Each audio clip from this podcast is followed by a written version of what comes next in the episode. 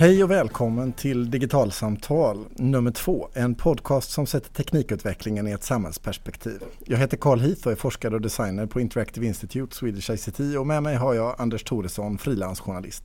Hej Anders! Hej Carl!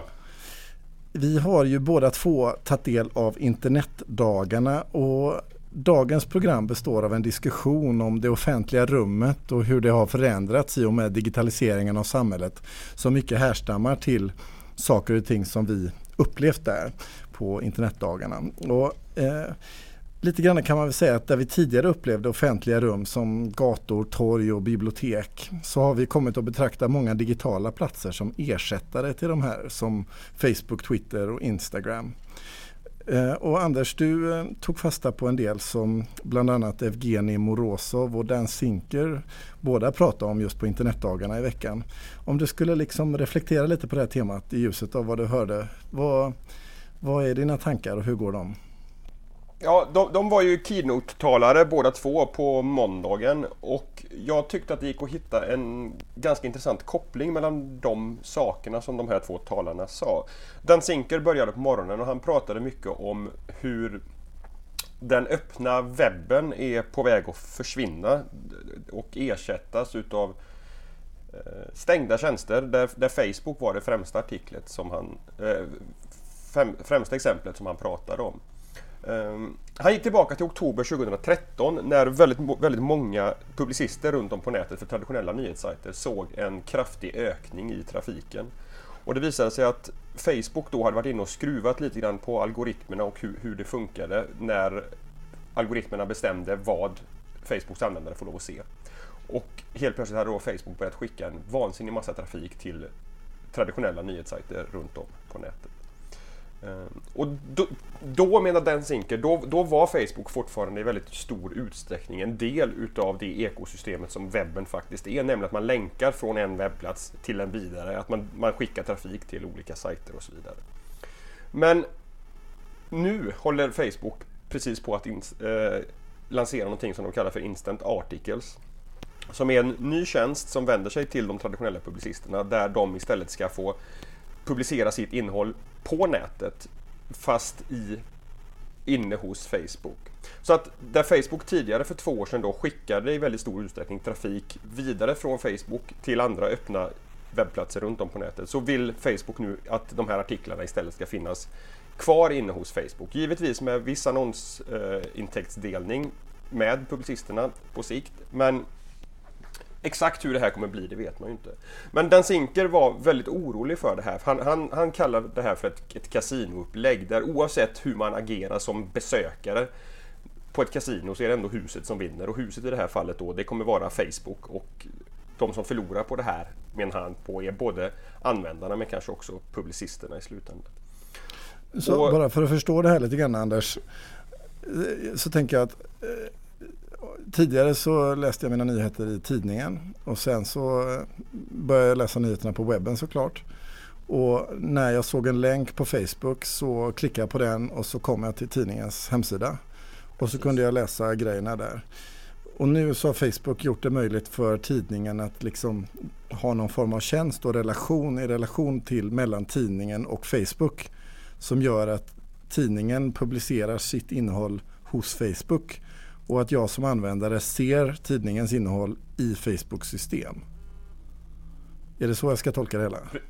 Ja, precis. Och, och det innebär då ett antal fördelar för, för slutanvändaren, dig som läser det här exemplet. Därför att bland annat kommer det innebära att, att artiklarna laddar mycket snabbare, därav namnet Instant Articles. Eh, och det blir ett enhetligare gränssnitt, det är mobilanpassat och det finns en massa olika aspekter på det här. Men, så, men vad menar Sinker är problemet då? Ja, Senke menar ju att, att problemet är att den här öppenheten som vi haft på nätet har varit en av nätets styrkor. Det har varit den här eh, floran utav olika webbplatser och så vidare som har drivit på utvecklingen.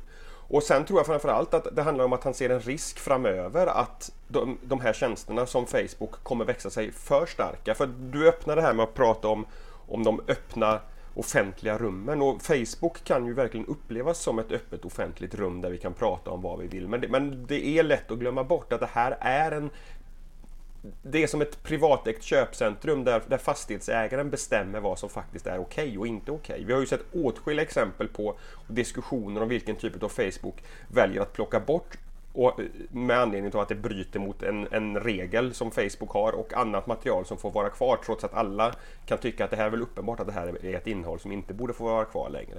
Men det här Ett ganska aktuellt exempel var väl den här eh, tysken som eh, gjorde ett konstverk där han eh, hade ett foto publicerat eh, där det är en barbröstad kvinna i bar, bakgrunden men sen har han ett rasistiskt budskap på en skärm.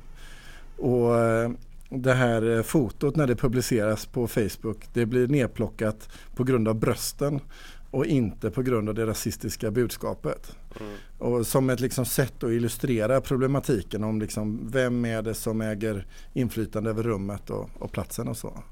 Ja precis. Och, och sett då ur ett, ur ett yttrandefrihetsperspektiv så kan man absolut se att det här kan bli problematiskt på, på, sikt när det är en privat aktör som bestämmer vilken typ av åsikter som ska få torgföras här och inte. Och det här kopplar då vidare till det som, som Morozov sa efter lunchen i måndags.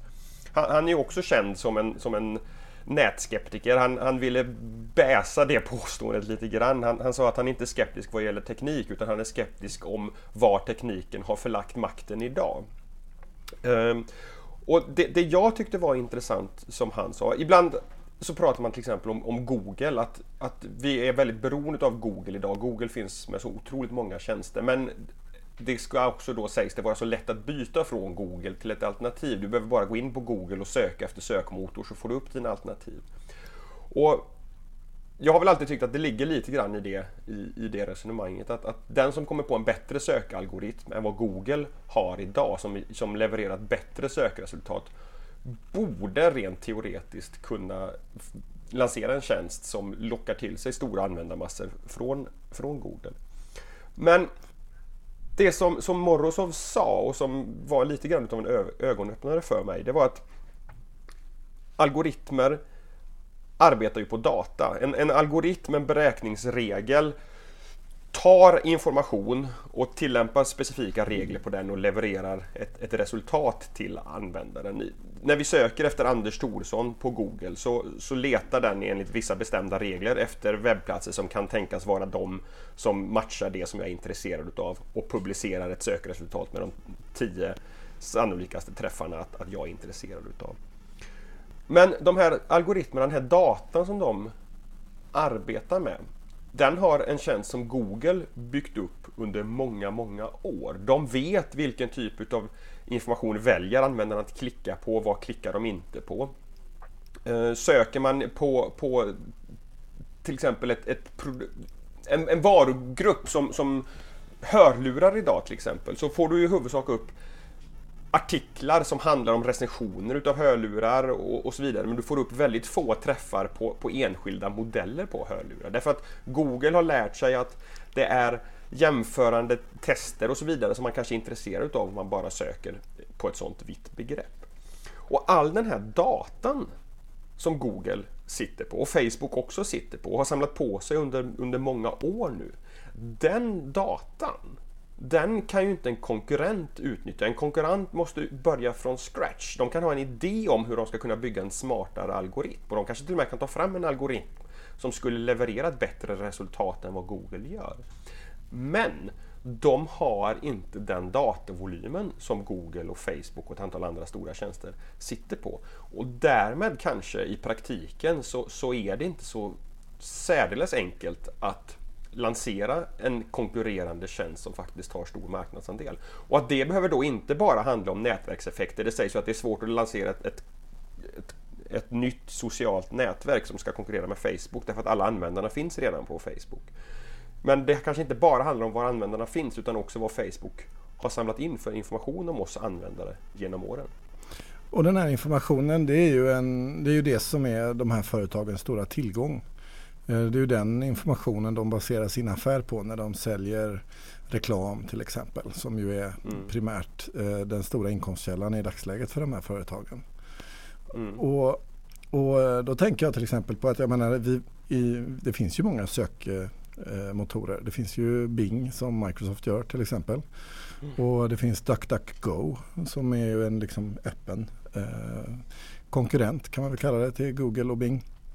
Så det finns ju uppenbarligen andra. Och i eh, eh Ryssland så har de ju en egen söktjänst.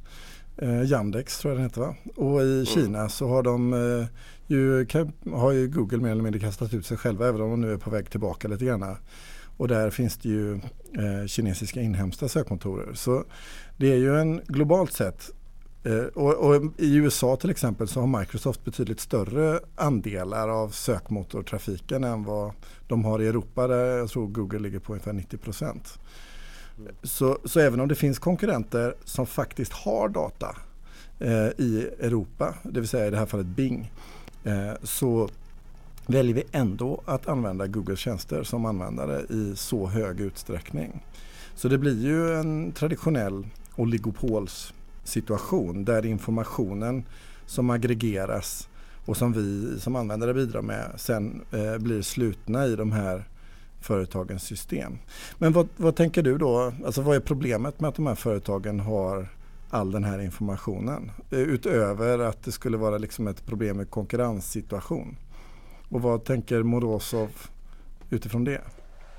Ja, det, det, finns ju massa andra liksom, aspekter på det, här men jag skulle vilja knyta an till en annan sak också som, som Morozov pratade om först innan vi kommer tillbaka till den diskussionen. Och han, han blickar också framåt och konstaterar att, att med Internet of Things och prylarnas internet som, som nu väl kanske faktiskt kan sägas vara på väg att, att slå igenom på allvar så kommer det skapas ännu större mängder data. Väldigt mycket av Internet of Things-prylarna är sensorer på olika sätt som ska registrera olika saker. Och det här är också data som samlas in och kommer analyseras för att skapa nya tjänster för att erbjuda bra eh, produkter till, till slutanvändarna.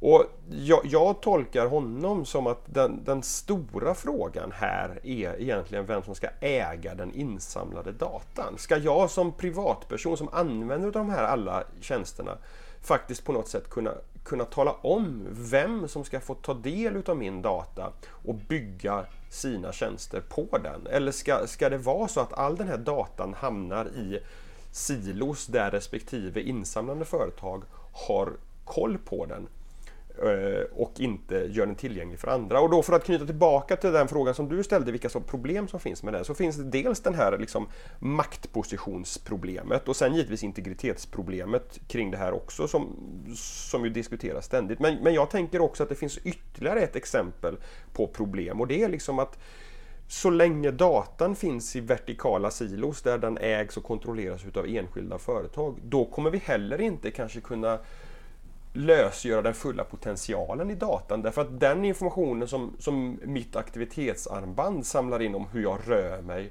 och hur jag sover. Om man kan kombinera den datan med information från en framtida app eller sensor som mäter vad jag äter eller kanske någonting som automatiskt har koll på vilka mediciner jag tar eller vad det nu kan tänkas vara, vilken temperatur jag har hemma eller all den här informationen som kommer samlas in. Om, om det finns en möjlighet att bygga tjänster som aggregerar, samlar ihop all den här datan och utnyttjar den samlade informationen som finns för att skapa tjänster så kan vi kunna få se väldigt mycket bättre tjänster och smartare tjänster i framtiden. Så ett argument då det blir liksom att de här silosarnas inlåsning av data helt enkelt hindrar både nuvarande och framtida aktörer ifrån att utveckla nya produkter och tjänster. Eh, men också för dig som användare att kunna själv förhålla dig till datan i sig också. Eftersom till exempel mitt aktivitetssamband inte tillåter mig nödvändigtvis att eh, använda den datan i relation till vilken tjänst som helst. Utan mm. till de tjänster som det armbandet är kopplat till. Och som gör att jag inte heller kan liksom ta en information ifrån ett sammanhang och koppla ihop det med ett annat sammanhang. Så, mm. så där finns det ju en utmaning. Men en annan utmaning jag tänker det är ju att det offentliga rimligen borde ha en mängd eh, möjligheter att kunna utveckla både våra offentliga rum, miljöer, produkter och tjänster med hjälp av liknande typ av information och data. Men om inte det offentliga är med i det här sammanhanget och inte datakällorna eller tillgången till den här informationen är öppen så kommer ju inte det allmänna eller det offentliga att ha tillgång till den. Och följaktligen inte heller kunna skapa och konstruera det här.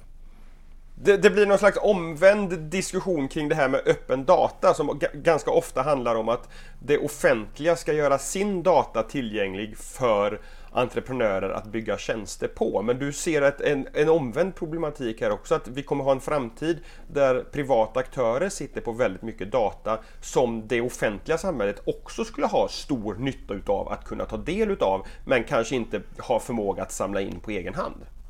Ja, det är väl lite grann ditåt mitt resonemang går. Alltså, jag tänker att eh, om vi lever i ett eh, öppet och fritt samhälle eh, och en demokrati eh, så finns det en mängd gemensamheter som vi försöker komma överens om för att bygga upp ett gemensamt eh, sammanhang. Och det kan vara så att i uppväxten av ett digitalt samhälle så är en del av den nya moderna framtida samhällskroppen eh, byggd på eh, också digitala element och digitala innehåll.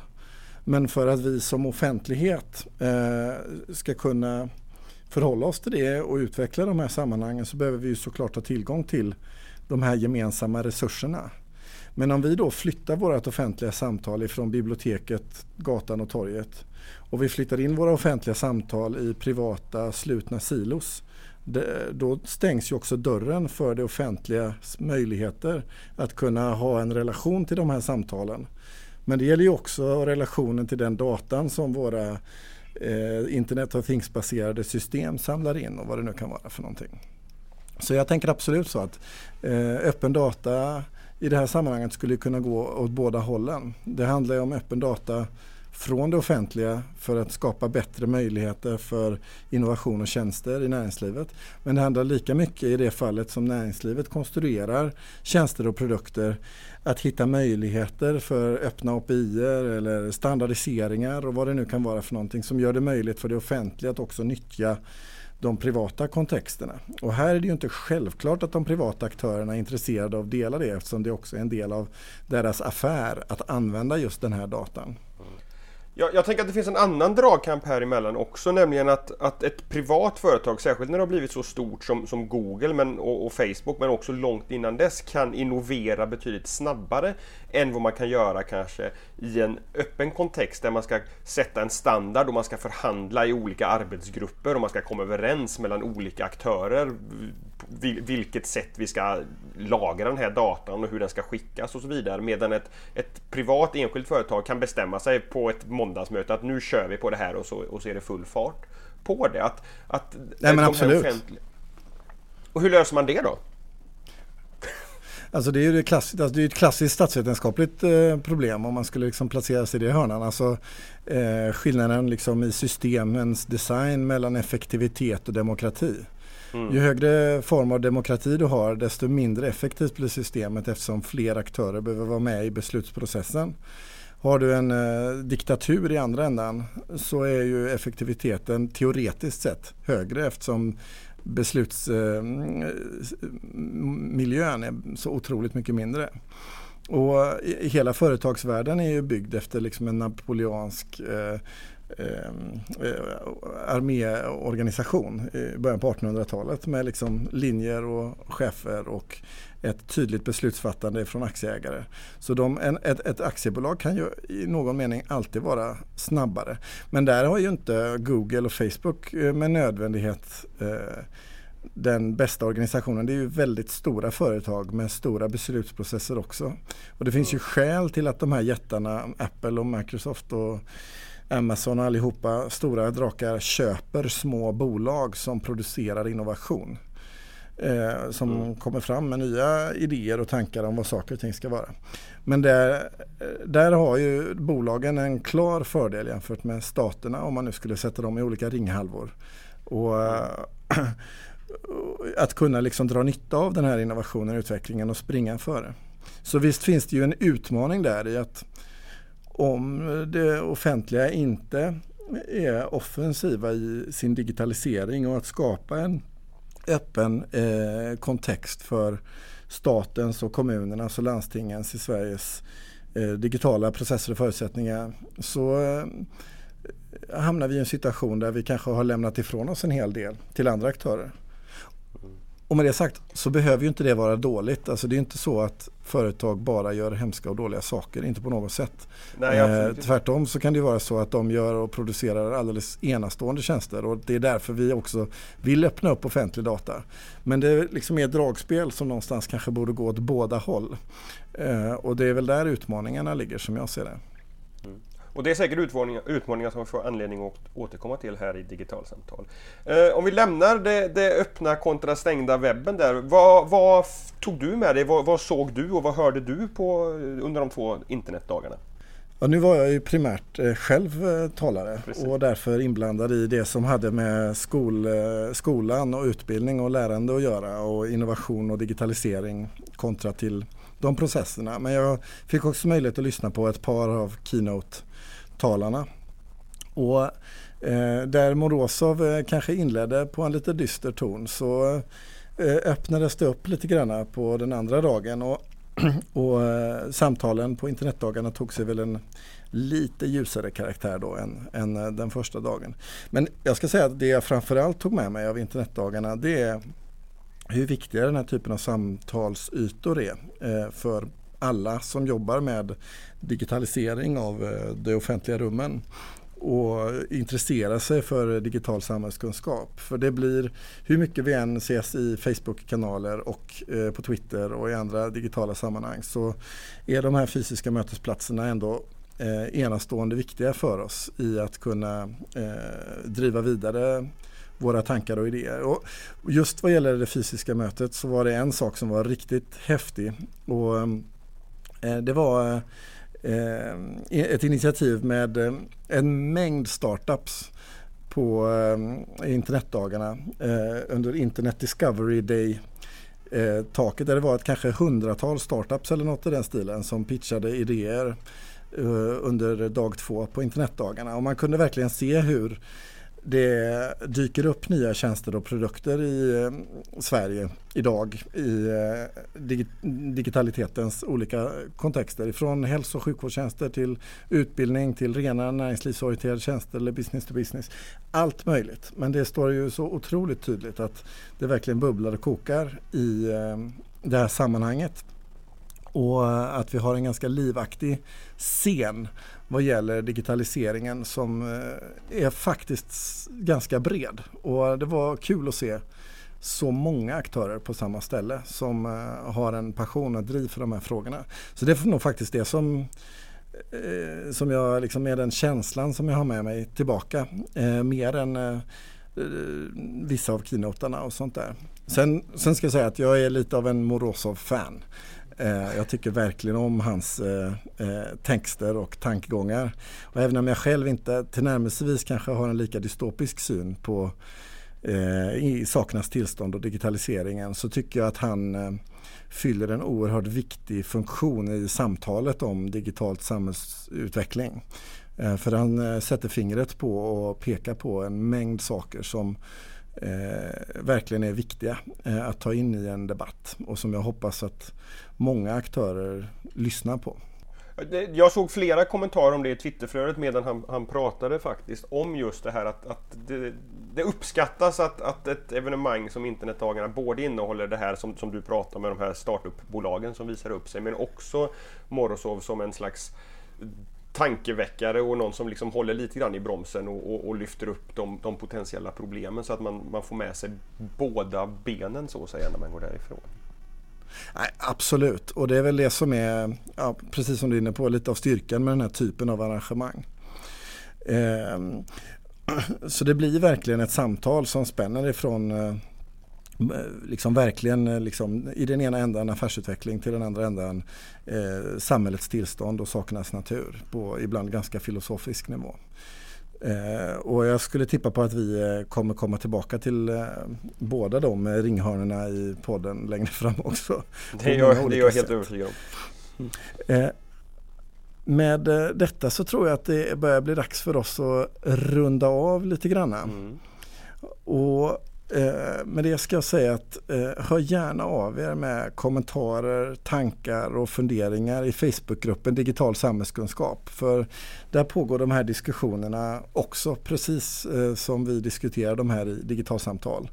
Eh, faktum är att just nu eh, som vi sänder det här så pågår en livaktig diskussion som tangerar mycket av de eh, samtalen som jag och Anders haft i podden idag. Har ni en fråga till oss, tveka inte att höra av er. Det går bra att skicka frågor på mail. Adressen är i så fall podcast.digitalsamtal.se. På Twitter finns vi på digitalsamtal och skulle det vara så att ni prenumererar på podcasten genom iTunes får ni jättegärna skriva en kommentar eller ratea programmet så att vi hamnar högt upp i sökresultaten och fler har möjlighet att hitta till oss. Men till nästa gång, hej då! Hej då!